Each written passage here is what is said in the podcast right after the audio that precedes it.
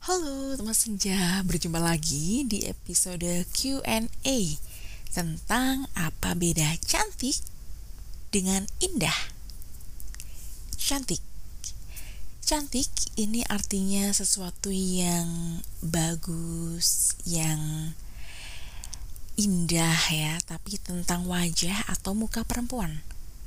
Contoh, wajahnya sangat cantik ya tapi ini bisa juga untuk berbicara pada konteks yang berkaitan dengan wanita. Contoh, jika Anda melihat uh, mungkin baju adik Anda atau mungkin baju ibu Anda, nah Anda bisa berbicara Wah, baju Anda atau bajumu cantik sekali motifnya. Warnanya juga cantik. Nah, pada konteks ini, baju itu untuk wanita ya, bukan untuk laki-laki. Mengapa kita berbicara dengan cantik? Nah, ini mungkin motifnya lucu, bunga-bunga, warnanya bagus, dan ini sangat cocok dengan motifnya. Akan berbeda jika Anda berbicara untuk laki-laki. Karena tidak bisa berbicara bahwa baju itu cantik, tapi Anda bisa berbicara bahwa baju itu bagus, bajumu bagus.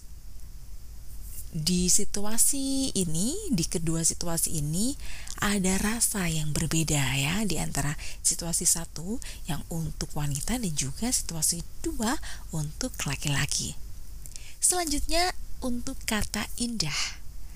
Indah berarti ini dalam keadaan enak dipandang atau dilihat, cantik ya, Contoh, pemandangan pantai sore ini sangat indah. Contoh lainnya, sekolah itu indah dan hijau.